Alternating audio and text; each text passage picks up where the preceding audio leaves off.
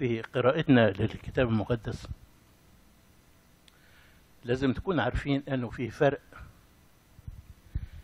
ما بين دراسة الكتاب المقدس لمجرد الدراسة وبين التأمل في الكتاب المقدس. دراسة الكتاب المقدس ممكن تكون من ناحية الفلسفية أو العقيدية أو التاريخية أو غيرها. بل إنه في البعض من غير المسيحيين بيدرس الكتاب المقدس عشان يحاول إنه يجد فيه ثغرة أو يمسك منه خطأ. وأنا في مرة شفت فيديو لمناظرة ما بين داعية غير مسيحي مشهور جدا مع قسيس كان بروتستانتي.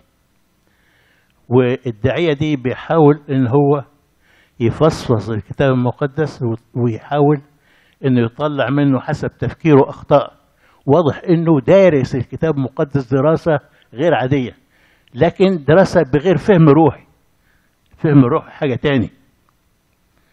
أما التأمل في الكتاب المقدس فالإنسان المسيحي أول ما بيفتح الكتاب المقدس بيقول في قلبه قبل ما يبتدي تكلم يا رب فإن عبدك سامع لأن الكتاب المقدس مش مجرد كلام ولكنه رسالة موجهة من الله لكل إنسان شخصيا بيقول له عايز إيه؟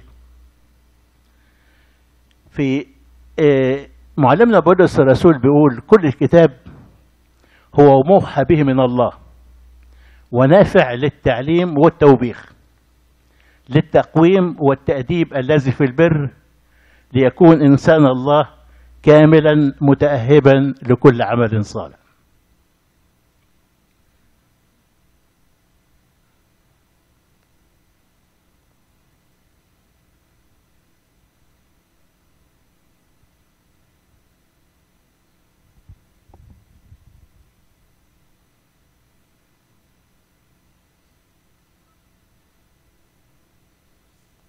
سفر دانيال النبي من أسفار الأنبياء الكبار في العهد القديم. أسفار الكتاب المقدس في العهد القديم متقسمة لخمس أقسام. أسفار الشريعة أو الأسفار الموسوية هي الخمس أسفار الأولى وبيسموا التوراة. كلمة توراة دي كلمة عبرية معناها معناها الشريعة. اللي هي التكوين والخروج واللويين والعدد والتثنية القسم الثاني الأسفار التاريخية. يشوع والقضاء ورعوس وصميل الأول والثاني وملوك أول والثاني وأخبار الأيام الأول والثاني وعزرا ونحمية واستير في أسفار الشعر والحكمة. اللي هم أيوب والمزامير والأمثال والجامعة ونشيد الأنشاد. وأسفار الأنبياء الكبار اللي منهم دانيال هم إشعياء وإرميا ومراسي إرميا وحزقيال ودانيال. بالمناسبة في عهد أو في فترة حياة دانيال كان في أربع أنبياء في الوقت ده. اللي هو دانيال وحزقيال وإرميا وحبقوق كان أكبرهم سن حزقيال. وأسفار الأنبياء الصغار اللي هم هوشع ويوئيل وعموس وعبيديا ويونان وميخا ونحوم وحبقوق وحجاي وزكريا وملاخي. لما بنقول الأنبياء الكبار والأنبياء الصغار مش بنميز أنبياء عن أنبياء دول أحسن من دول أو أكبر من دول إنما العبرة بكلمة الأنبياء الكبار والأنبياء الصغار على عدد الأسفار عدد الأصحاحات الموجودة على حجم السفر يعني. فده سبب التفريق. بالإضافة للأسفار اللي إحنا ذكرناها دلوقتي دي الموجودة في الكتاب المقدس اللي هو طبع دار الكتاب المقدس المتاح بين أيدينا دلوقتي. لكن يضاف لهم في أسفار حذفها البروتستانت من الكتاب المقدس بنسميها الأسفار القانونية الثانية لأن أسفار قانونية. وهي سفر طوبيا ويهوديت وتتمة سفر إستير وسفر الحكمة وسفر يشوع بن سراخ وده بنقرأ منه كتير في قراءات أسبوع البسخة. وسفر النبوة باروخ وتتمة سفر دانيال سفر دانيال إحنا هنلاقي في كتاب المقدس الموجود في إيدينا بتاع دار الكتاب المقدس. فبنجد في الكتاب المقدس اللي إحنا بنقرأ فيه الموجود في إيدينا طبع دار الكتاب المقدس. انه سفر دانيال 12 إصحاح. هو في الواقع 14 إصحاح لأنه فيه إصحاحين محذوفين منه اللي هو ال 13 وال 14 بالإضافة إنه محذوف منه أيضا تسبيحة الثلاث فتية في أتون النار. هنيجي لها ساعتها. سفر دانيال بيتكلم عن أربع فتية. يهود دانيال ورفاقه الثلاثه حنانيا وميشائيل أي ميخائيل وعزاريا.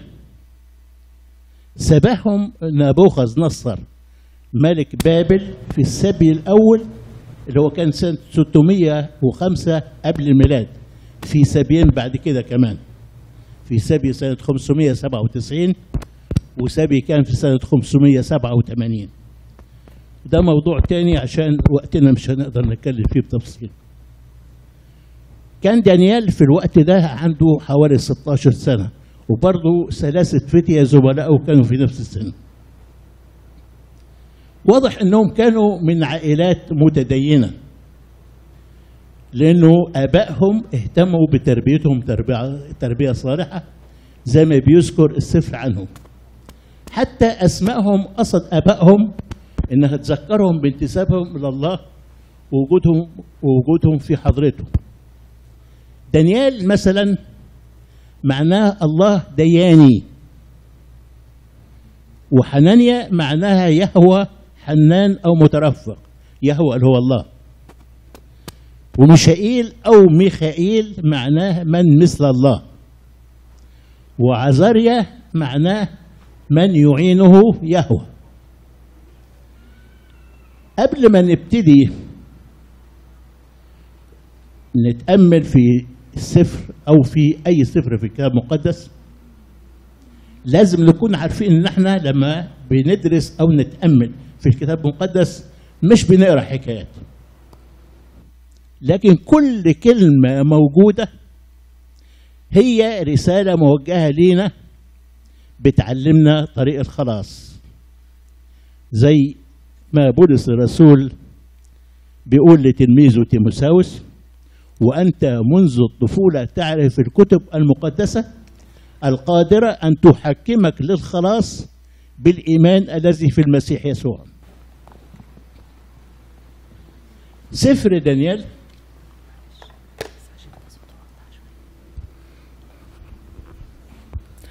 هو من أروع الأسفار اللي كان بيقراها شعب الله المغترب.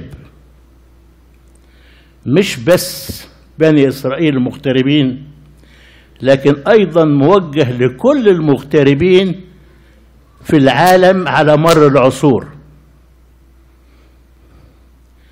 كان دانيال ورفقائه الثلاثة مثال للتمسك بإلههم ووصاياه وهم في الغربة رغم المغريات المحيطة بهم بل اضطهدوا من أجل ذلك. سفر دانيال استشهد به السيد المسيح في كلامه مع تلاميذه على جبل الزيتون اللي هو الوارد في متى الإصحاح ال 24 لما سألوه عن علامات نهاية العالم فاستشهد بما ورد في سفر دانيال لأن دانيال في جزء منه هنشوفه بعد شوية.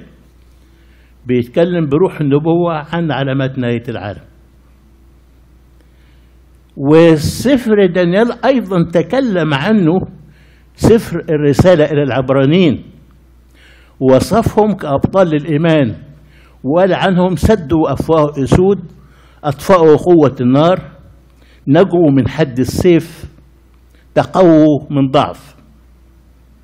والكنيسة بتذكر هؤلاء الفتية الثلاث القديسين في تسبيحتها اليومية. الكنيسة في التسبيحة اليومية في الهوس الثالث أي تسبيحة هوس يعني تسبيحة بتذكر تسبيحة الثلاثة فتية القديسين. باختصار كده سفر دانيال بينقسم إلى ثلاث أجزاء. الإصحاحات من واحد لستة ده قسم تاريخي بيمثل فترة حالكة من أيام السبي لكن من خلالها بيعمل الله من أجل القلة الأمينة المختارة. ودي بتغطي تقريبا سبعين سنة من عمر دانيال النبي. والإصحاحات من سبعة ل 12 ده قسم نبوي رؤى وأحلام كشفها الله لدانيال وفسرها له الملك. والإصحاحات ال 13 و 14 اللي إحنا سميناها الأسفار أو الإصحاحات المحذوفة بيتكلم الإصحاح ال 13 عن قصة سوسنة العفيفة والإصحاح ال 14 عن الصنم بال والتنين المعبود لما نيجي لساعتها. في الإصحاح الأول أمر الملك نبوخذ نصر أشفنازة رئيس خصيانه بأنه يختار من المسبيين من بني إسرائيل فتيان يكونوا بالعيب يعني شكلهم منظرهم جميل آه، ذكائهم واضح آه، لهم معالم آه، تؤهلهم إن هم ممكن يتعلموا تعليم كويس ويبقوا حاجة. وأمر بأنه يعلموهم بكل كتابة الكلدانيين الكلدانيين اللي هم البابليين يعني وكتابة الكلدانيين يعني ثقافة أهل بابل في ذلك الزمن من كل ناحية.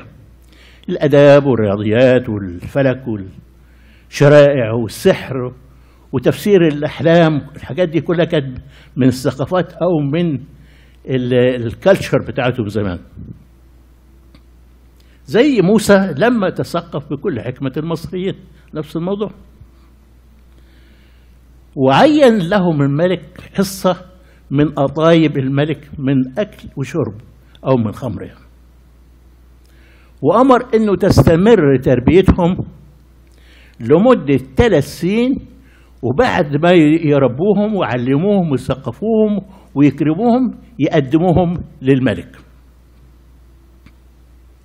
واضح إنه نبوخذ نصر كان يتميز بالحكمة واتساع الأفق. آه، نبوخذ نصر ده اسم بابلي. معناه أيها الإله نابو أحرس المملكة. دي معنته باللغة البابلية. والإله نابو هو إله العلم والمعرفة عند البابليين. قصد نبوخذ نصر بحكمته إنه يستفيد بهؤلاء الفتية بما عندهم من مواهب في تدبير شؤون الدولة فيما بعد لما يعدهم وفي نفس الوقت يفقدهم هويتهم اليهودية ويخضعهم لثقافة البابليين وأخلاقهم وتصرفاتهم حتى لغتهم.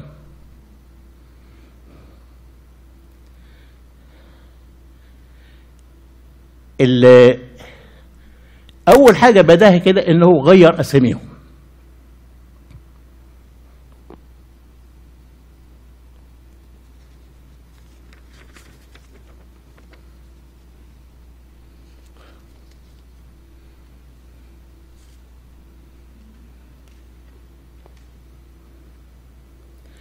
دانيال ومهنته الله دياني أصبح اسمه بلتشسر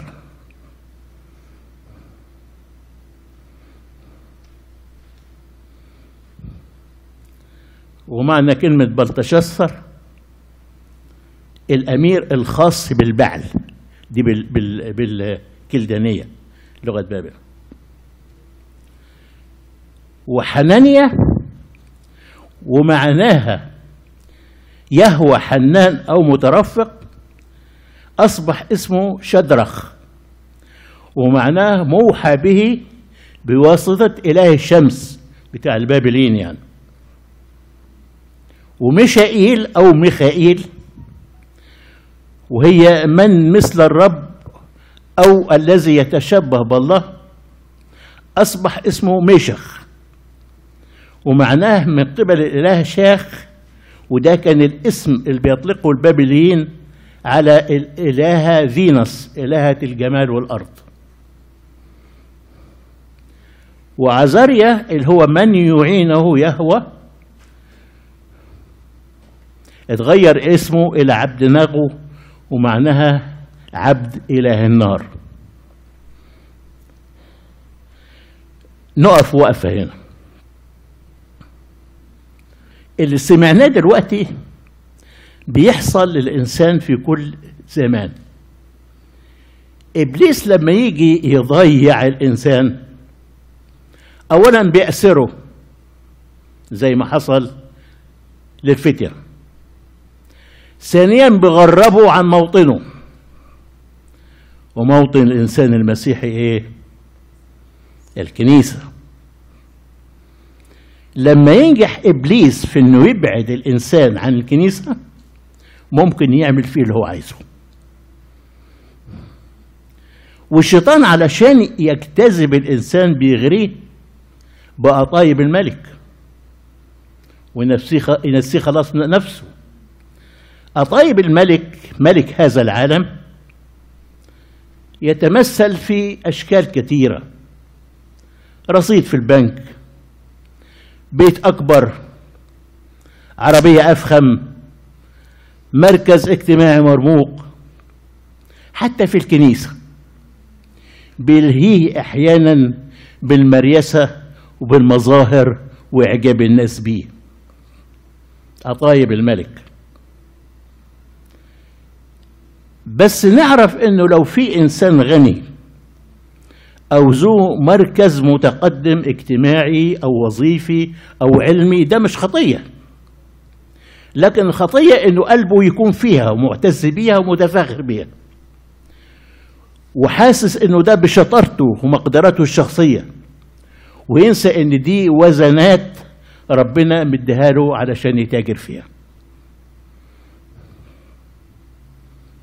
أما دانيال فجعل في قلبه أنه لا يتنجس بأطايب الملك.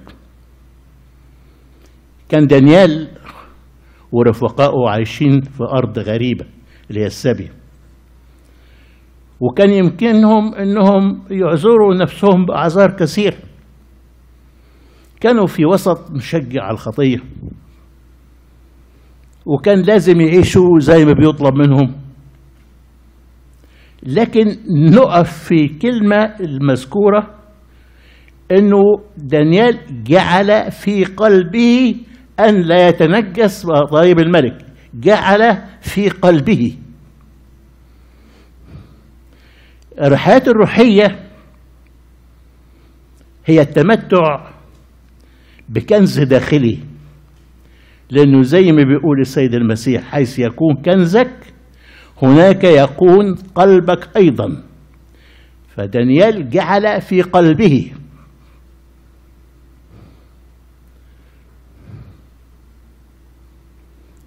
الحياة الروحية الصادقة بتبدأ من أعماق القلب. حتى لما بتيجي ساحة التجربة بيستطيع المؤمن بالنعمة الإلهية العاملة فيه أن يقاوم وينتصر. بيكمل السفر يقول إن دانيال طلب من رئيس الخصيان إنه يعفيهم طيب الملك لأنه فيها أطعمة محرمة حسب الشريعة اليهودية. وفي نفس الوقت كمان ما قبلوش إنهم يتنعموا وليهم إخوة عايشين في فقر وفي احتياج وفي بؤس. خاف رئيس الخصيان إنه لما ما بياكلوش من قطايب الملك صحتهم هتضعف والملك هيحاسبوا على كده. لكن دانيال قال لرئيس السقاة اللي ولاه رئيس الخصيان على دانيال وزملائه جربنا عشر أيام. أكلنا فيهم قطاني قطاني اللي هي البقول الفول والعدس والحاجات دي. ونشرب مية بس وشفنا بعد عشرة أيام ظهرت مناظرهم أحسن وأصح من كل الفتيان اللي أكلوا قطايب الملك وشربوا خمره. فطمن رئيس السقاء وابتدى يدي لهم حسب طلبهم البقول بس حسب طلبهم. بعد الثلاث سنين ما عدوا وأعدوا صحيا وعلميا دخلوهم للملك. بيقول إنه الملك عمل اختبار لكل المتقدمين دانيال وزملائه زائد كل مجموعة الشباب اللي كانوا بيعدوهم دول. بيقول فلم يوجد بينهم كلهم مثل دانيال وحنانيا وميشائيل وعزاريا. وزي ما هو مكتوب في السفر بيقول وفي كل أمر حكمة في كل أمر حكمة فهم. الذي سألهم عنه الملك وجدهم عشرة أضعاف فوق كل المجوس والسحرة الذين في كل مملكته. من أجل أمانتهم تمجد الله. وفي نفس الوقت كان الله بيعدهم لما هو أعظم ليتمجد اسمه بواسطتهم. في السنة الثانية من ملك نبوخذ نصر حلم نبوخذ نصر أحلام انزعجت. روحه وطار عنه النوم. يمكن واحد واخد باله شوية. يقول لي إزاي في السنة الثانية من ملك نبوخذ نصر بعد ما قدموهم ليه يعني حلم حلم وفي نفس الوقت الملكة عندهم ثلاث سنين قبل كده. يجي إزاي السنة الثانية؟ زمان وما زال فيه دلوقتي. كان الملك لما يكبر في السن أو سطحته تضعف يشرك معاه ولي العقد عهد في الحكم.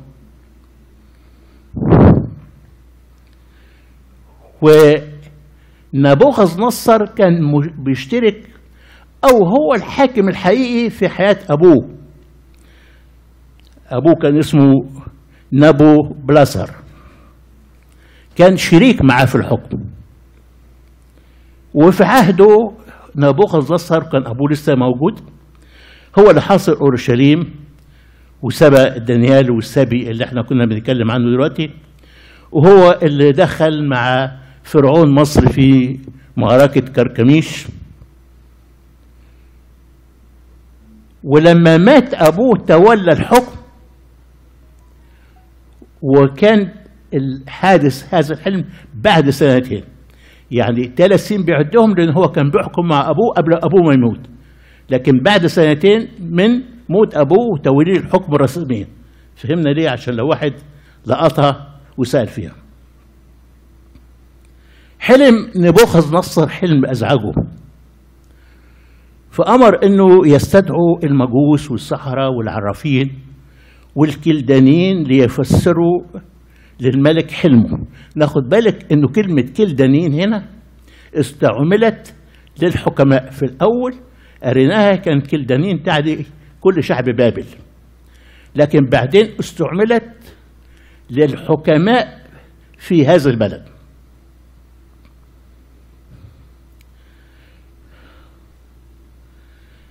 يستدعي نظرنا هنا أن الملك استدعى حكماء البابليين ما استدعاش دانيال ورفقائه ليه؟ مع إنه بيقول إن هو لما امتحنهم لقاهم عشرة أمثال الحكماء ما استدعوهمش ليه يمكن لأن هو قال عايز الحكماء يجوني يفسروا لي الحلم وليهم مكافأة عظيمة.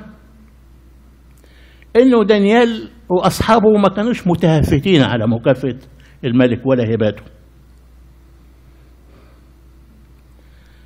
ويمكن الحكماء الكلدانيين كانوا غيرانين من دانيال إنه الملك اداله ميزة عنهم كلهم فدخلوا هم من غير ما يقولوا لدانيال.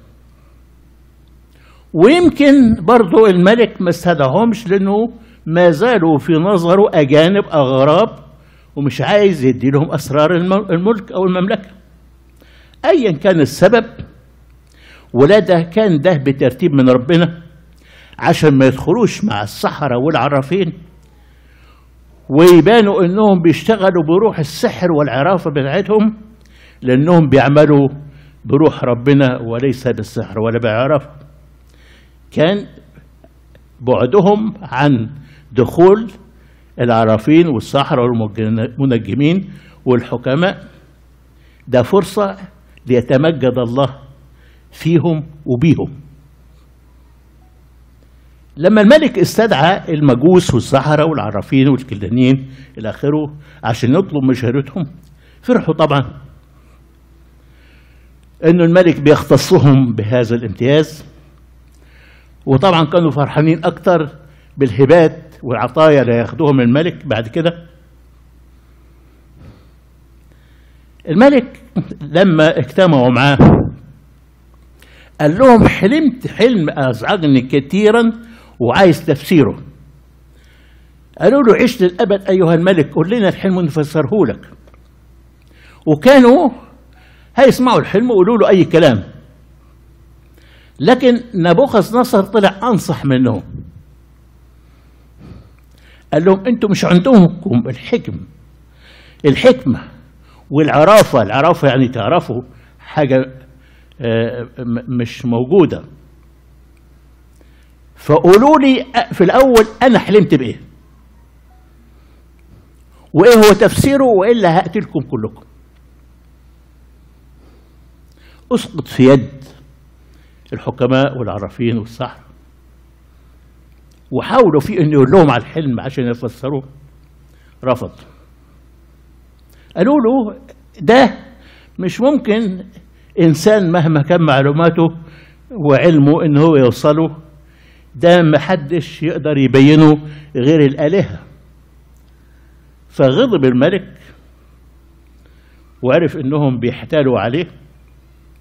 وأمر بقتل كل حكماء بابل.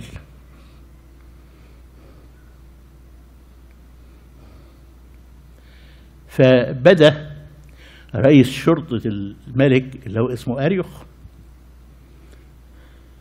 في إن هو يدور على الحكماء عشان ينفذ فيهم حكم الملك. أريخ ده ما نعرفش ده اسمه ولا صفته. لأنه كلمة أريخ بالكلدانية معناتها رئيس الجزارين. أيا كان. لما ابتدى أريوخ إن هو يدور على الحكماء ويقتل فيهم بحث عن دانيال لأن هو واحد من الحكماء مفروضين يعني.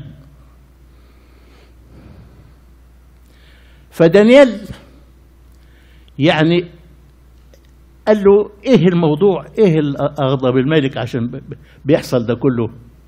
قال له الموضوع إيه هو؟ قال له ممكن تدخلني للملك وأنا ممكن أحل المشكلة. فقدر إن هو يدخله للملك فالملك قال له قبل ما أقول لك على إيه اللي أنت عايزه إديني مهلة. خد طلب المهلة. مش عشان يستعيد معلوماته. ولا يلجأ للكتب المختصة ولا يطلب مشورة من إنسان بيقول الكتاب حينئذ مضى دانيال إلى بيته وأعلم حنانيا وميشائيل وعزاريا أصحابه بالأمر ليطلبوا المراحل من قبل إله السماوات من جهة هذا السر. طلب دانيال وقت لا ليبحث في السرائر بمهارة قدرته العقلية إنما ليطلب معونة رب السرائر. وفي نفس الوقت طلب من زملائه الثلاثة إنهم يشتركوا معاه في الصلاة علشان يتحاشى إن هو يظهر كأنه هو لوحده الآن بالعمل ده لكن يشرك الآخرين معاه.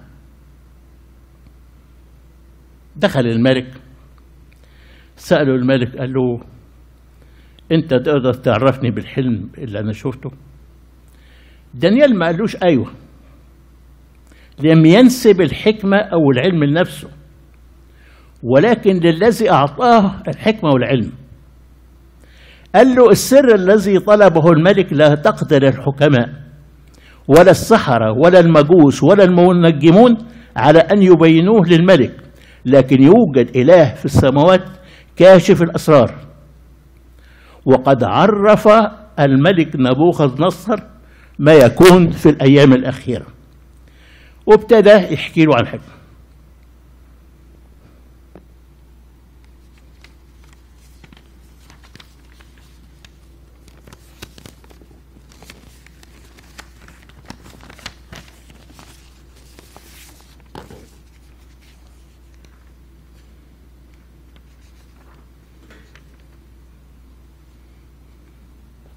قال له أنت أيها الملك كنت تنظر وإذا بتمثال عظيم بهي جدا وقف قبالك ومنظره هائل. رأس هذا التمثال من ذهب جيد. صدره وذراعاه من فضة. بطنه وفخذاه من نحاس. ساقاه من حديد. قدماه بعضهما من حديد والبعض من خزف. كان الملك بيستمع إليه في صمت ودهشة. وكمل دانيال وقال للملك بعد ما وصف له التمثال قال له كنت تنظر إلى أن قطع حجر بغير يدين. يعني مفيش ايدين انسان قطعته فضرب التمثال على قدميه اللتين من حديد وخزف فسحقهما.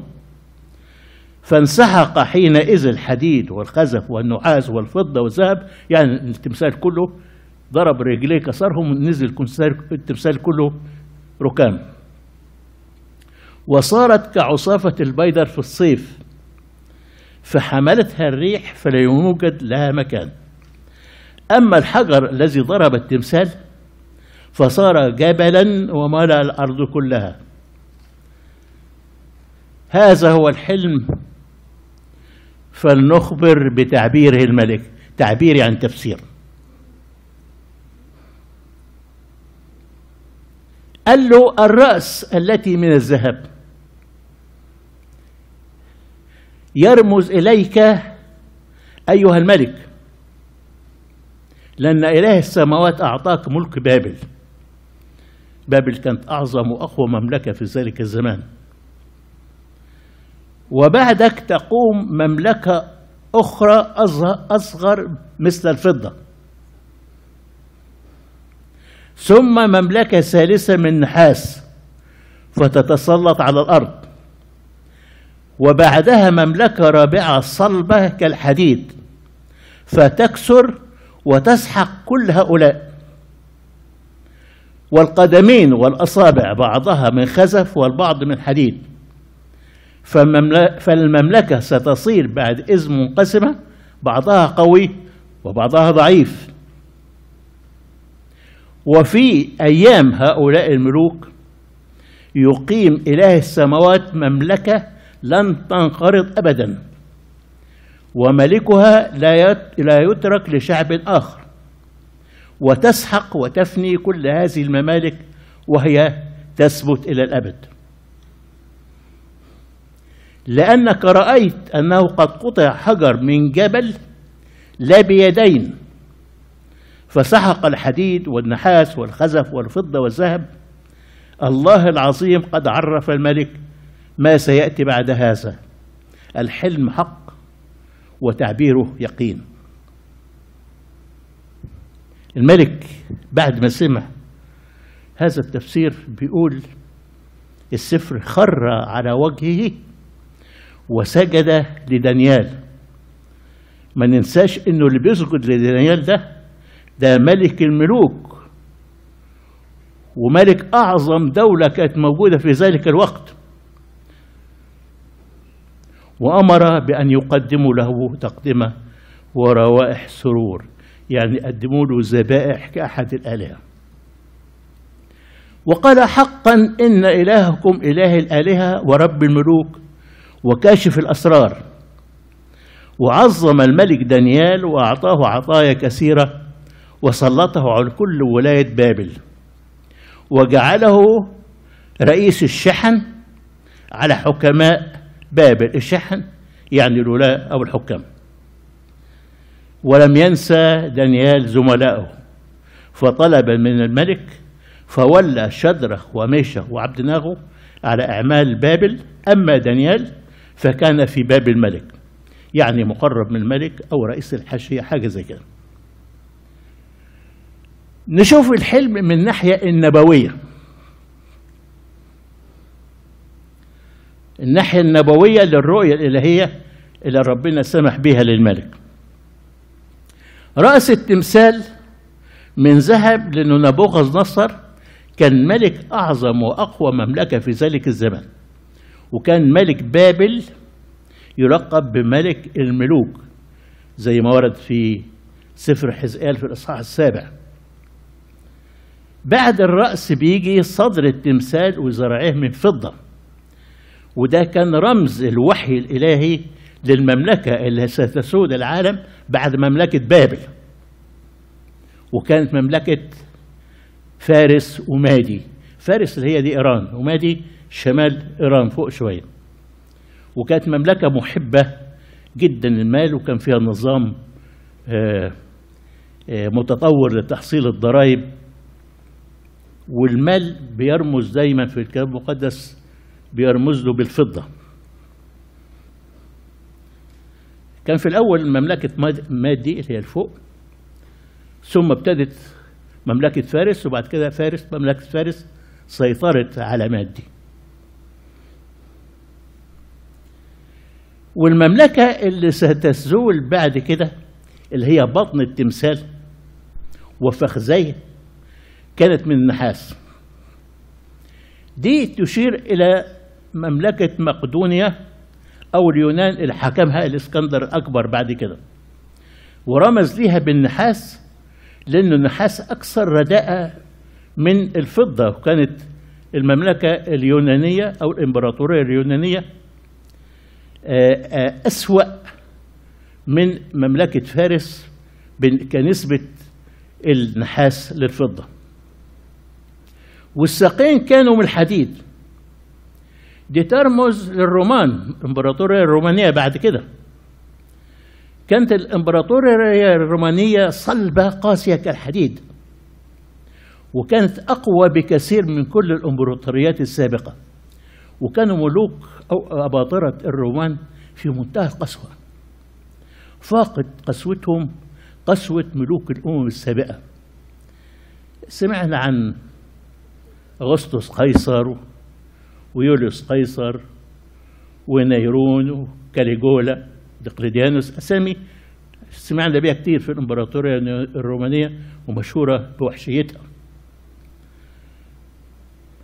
حتى في نفس مدة الحكم يعني الإمبراطورية البابلية حكمت حوالي سبعين سنة والمادية والفارسية حوالي 200 سنة واليونانية حوالي 130 سنة. لكن الإمبراطورية الرومانية استمرت لأكثر من 500 سنة. استمرت كإمبراطورية موحدة. بعد كده انقسمت إلى ممالك بعضها قوي وبعضها ضعيف. وده اللي ظهر في قدمي التمثال.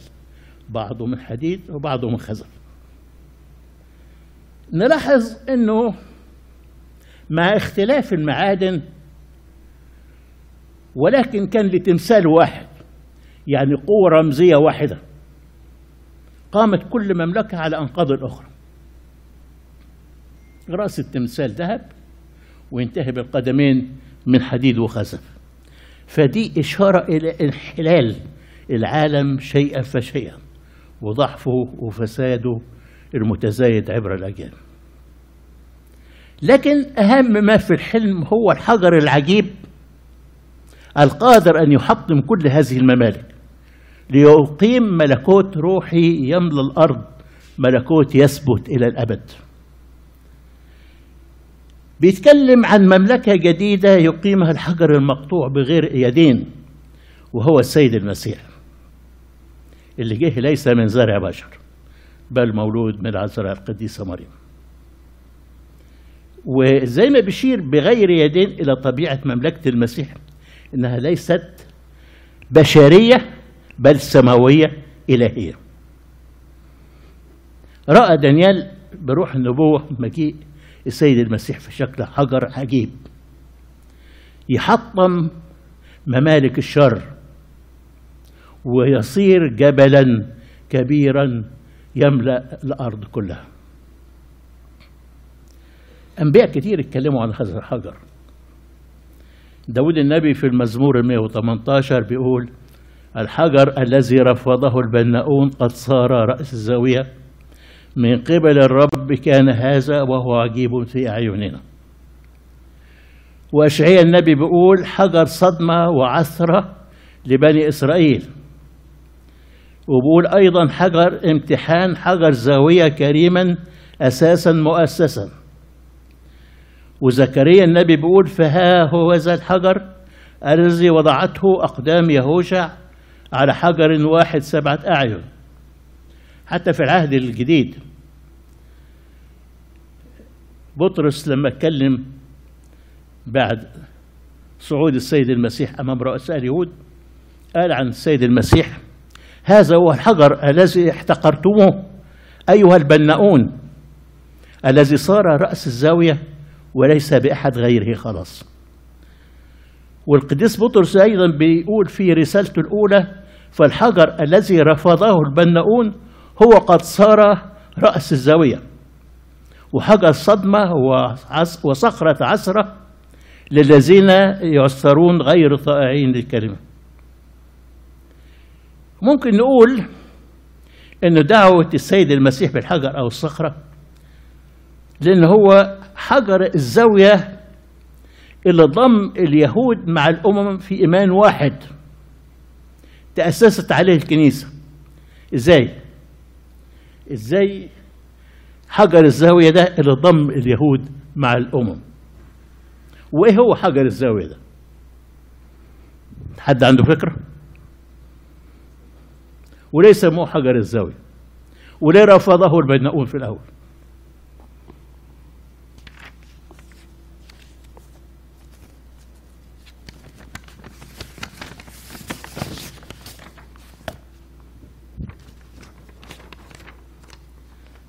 لما تتوزع عليكم الورقة دي هنتكلم.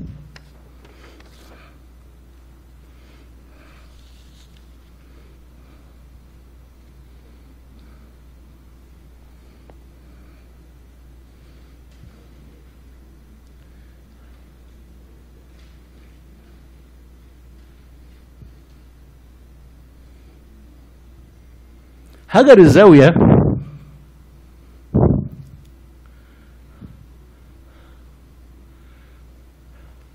لما يجوا يبنوا قرش.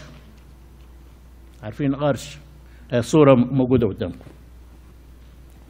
بيبنوا من ناحية ويسندوها ومن ناحية تانية يسندوها ويجوا في الوسط فوق ويحطوا حجر واسع من فوق ضيق من تحت يبقى زي قفل كده يتسند عليه الاثنين. عرفنا يعني إيه حجر الزاوية وده رفضه البناؤون والبناؤون هو بيبنوا حجارة متساوية كده عشان يرصوها لقيه شكله كده مختلف مش نافع راح قال لك حطوا ده على جنب. لكن لما جم يبنوا القرش لقوا هو ده اللي ممكن يحطوه في الوسط وما كانش ينفع على حجر مستقيم يسقط. فيبقى زي قفل ساند القرشين والقرشين دول بمثل أو رمز للأمة اليهودية اللي المسيح والأمم اللي المسيح سندهم وجمعهم حجر الزاوية يسوع المسيح.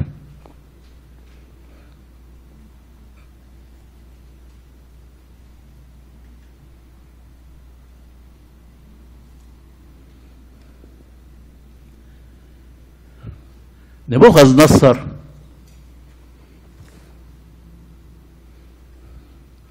كان قلبه زي الأرض المملوءة شوك. اللي يسمع الكلمة لكن سرعان ما يخنق الشوك الكلمة. فكل اللي حصل ده وكل اللي سمعه ده ومجد إله دانيال. لكن بعد شوية راح أقام تمثال ضخم من ذهب ونصبه وأمر إنه عنده سماع صوت القرن يعني النفير يعني والناي والعود والرباب والصنطير الصنطير دي آلة تشبه القانون آلة الموسيقية بتاعت القانون. وكل أنواع العزف أنه كل الشعوب والأمم تسجد للتمثال. استعمال الموسيقى دي كنوع من التأثير النفسي عشان يدي رهبة للتمثال. وأمر أن من لا يخر ويسجد ففي تلك الساعة يلقى في وسط أتون نار متقدة. يمكن أنه نبوخذ نصر لما بقت الناس كلها تتكلم على دانيال وإله دانيال اللي بيديله هذه النعمة وبيديله هذه الحكمة فهو خاف لحسن يسيبوا آلهته وابتدى يلهيهم بالتمثال ده. وأقام التمثال كان طوله ستين ذراع وعرضه ستة أذرع. ستين ذراع يعني يعني حوالي 18 متر تقريبا حاجة ضخمة جدا وعرضه ستة أذرع. ستين في ستة. إحنا عارفين إنه رقم سبعة في الكتاب المقدس بيرمز إلى الكمال. ورقم ستة بيرمز إلى النقص. فده ستين في ستة يعني يرمز للنقص الكامل والشر لأنه حتى في سفر الرؤيا بيسمي الوحش 666 ستات. ستات في الأرقام يعني مش أحسن واحد يفتكر غلط. بعد ما نبوخذ نصر نصب التمثال الذهب وأمر الجميع بأنهم يسجدوا له.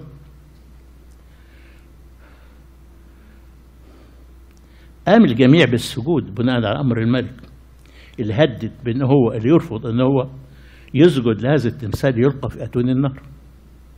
إلا الفتية اليهود اللي تعلموا إنه ينبغي أن يطاع الله أكثر من الناس. انتهز الكلدانيين اللي هو حكماء المملكة. الفرصة وراحوا للملك وقالوا له الرجال اليهود اللي انت وكلتهم على أعمال بابل شدرخ وميشخ وعبد ناغو استخفوا بكلامك ورفضوا إنهم يسجدوا للتمثال الذهب يعني بيعملوا بيحرضوه عليهم. الملك اتغاظ وأمر بإحضار شدرخ وميشخ وعبد ناغو وقال لهم أنتوا رفضتوا أنكم تعبدوا إلهي وتسجدوا لتمثال الذهب اللي أنا نصبته. إن لم تسجدوا في تلك الساعة تلقون في أتون النار المتقدة. ومن هو الإله الذي ينقذكم من يدي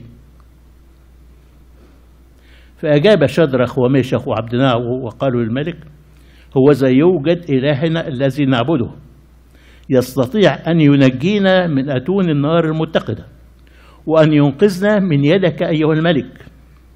فقل فليكن معلوما لك أيها الملك أننا لا نعبد آلهتك ولا نسجد لتمثال الذهب الذي نصبته. موضوع الثلاث فتية والملك وتمثال الذهب. ده مش موضوع الثلاث فتية بس. ده موضوع أولاد الله مع العالم في كل زمان. هو هو. التمثال الذهب بيمثل العالم. ذهب بيزغلل العينين. ومعاه موسيقى عشان يكمل الطرب والإغراء. والملك بيمثل الشيطان الذي يغوي. والكلام ده حصل قبل الثلاثة فتية مع يوسف وحصل مع موسى وغيرهم كثيرين من أولاد الله ورفض.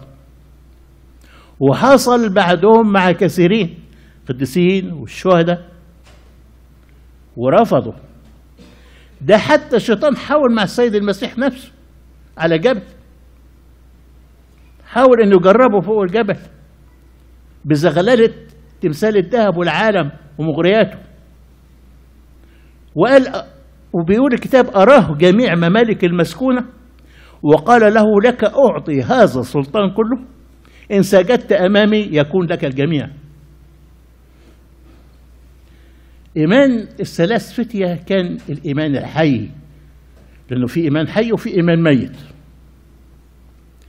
الإيمان الميت هو أن الإنسان يؤمن من الله هو الحافظ والمعطي و... والمدبر لكن عند التجربة بيضعف ويخاف ويشك ويحاول أن يستعين بآخرين أو بإمكانياته الشخصية وينسى مواعيد ربنا. ده الإيمان الميت. أما الإيمان الحي مثل إيمان الثلاثة فتية تحدوا الموت من أجل أمانتهم في حفظ الوصية. آمنوا أن إلههم قادر أن يخلصهم وهو حارس لحياتهم. وإن لم يخلصهم من النار الزمنية وسمح لهم بالموت ما تفرقش معهم. فهم يقبلوا كل ده بشجاعة مقدمين حياتهم ذبيحة حب لله كان الأتون اللي معده نبوخذ نصر مبنى معمول من الطوب الأحمر يستحمل الحرارة ولو فتحة من فوق يرموا منها محكوم عليه. ولو فتحة من جنب عشان ممكن يفتحوا ويشوفوا حصل إيه جوه. نرجع للثلاث فتية بيقول السفر إنه الملك اتغاظ من ردهم عليه وأمر انه يحمل أتون سبعة أمثال التحمية اللي كانوا بيحموها له. واختار مجموعة من الجنود الأقوياء ومسكوا الثلاثة فتية وكتفوهم بهدومهم وجم يرموهم في أتوم من فوق لدرجة إنه من كل كتر النار ما هي جامدة لفحت اللي بيرموهم وماتوا. ورموهم جوه الأتوم وكان نبوخذ نصر واقف بيتشفى.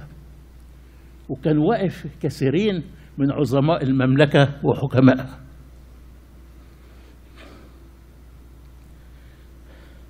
وأمر بأنه يفتحوا الباب الجانبي اللي في الأتون عشان يتشفى بمنظر الثلاثة فتية اللي خالفوا تعليماته. لقى الثلاث فتية بتمشوا عادي ومعاهم شخص رابع. مكتوب كده شبيه ابن الآلهة ملاك يعني. وكانوا بيسبحوا وفرحانين تسبيحة جميلة الكنيسة بتستعملها. الاجتماع اللي جاي إن شاء الله هناخد التسبيحة دي ونتأمل فيها لأنها حلوة خالص. التسبيحة دي مش موجودة في الكتاب المقدس طبعة الكتاب المقدس اللي هو موجود معانا لكن موجودة في الأسفار القانونية المحذوفة. الكنيسة زي ما قلنا بتصلي هذه التسبيحة. كل يوم في تسبيحة نص الليل الهوس الثالث التسبيحة الثالثة. نظر نبوخذ نصر وشاف المنظر ده الثلاثة فتية ومعاهم شبيه ابن الآلهة وهم ماشيين وهدومهم حتى ما اتحرقتش حتى ما فيش ريحة شياط.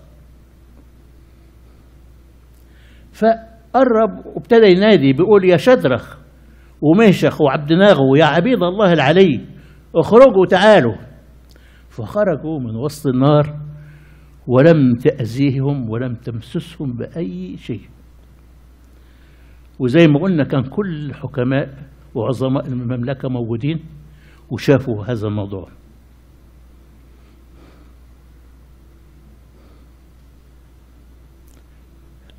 أدرك نبوخذ نصر هذه الحقيقة أنه الذي لا يسجد لله فقط ربنا بيبعت وبيحميه. فصرخ نبوخذ نصر من عمل الله العظيم مع أولاده وقال تبارك إله شدرخ وميشخ وعبد ناغو الذي أرسل ملاكه أنقذ عبيده الذين اتكلوا عليه وغيروا كلمة الملك وأسلموا أجسادهم لكي لا يعبدوا أو يسجدوا لإله غير إلههم. وأصدر الملك أمر بأنه أي حد يتكلم بالسوء على وميشخ وعبد ناغو يقتل وعادهم إلى وظائفهم اللي كانت على ولاية بابل آه نكتفي بال بالقدر ده عشان وقتنا. بس في الآخر هسألكم سؤال. طيب فين دانيال؟ ما كانش معاهم ليه؟ ما رموهوش ليه؟ وقطعا دانيال ما سجدش للتمثال حد يعرف ليه؟ مم؟ آه ممكن. احتمال كويس صح. لا ده لسه. لسه. حد هو في زي ما ريان ما قالت أحد الاحتمالات. هو في عدة احتمالات. ربما كان دانيال في مهمة في الخارج. وممكن إن المشتكين اللي اشتكوا الثلاثة فتية ما اشتكوش دانيال لأنهم كانوا عارفين قد إيه الملك بيحبه وبيعظمه. وممكن إنه الملك نفسه ما طلبش من دانيال إنه يسجد للتمثال لأنه الملك كان شاعر بأنه دانيال نفسه ينبغي له السجود وهو سجد له فعلا. فهو أعظم من التمثال أو في درجته. نكتفي بالقدر ده النهارده ونكمل إن شاء الله في لقائنا القادم ربنا يبارك في حياتكم لإلهنا كل مجد وكرامة إلى الأبد.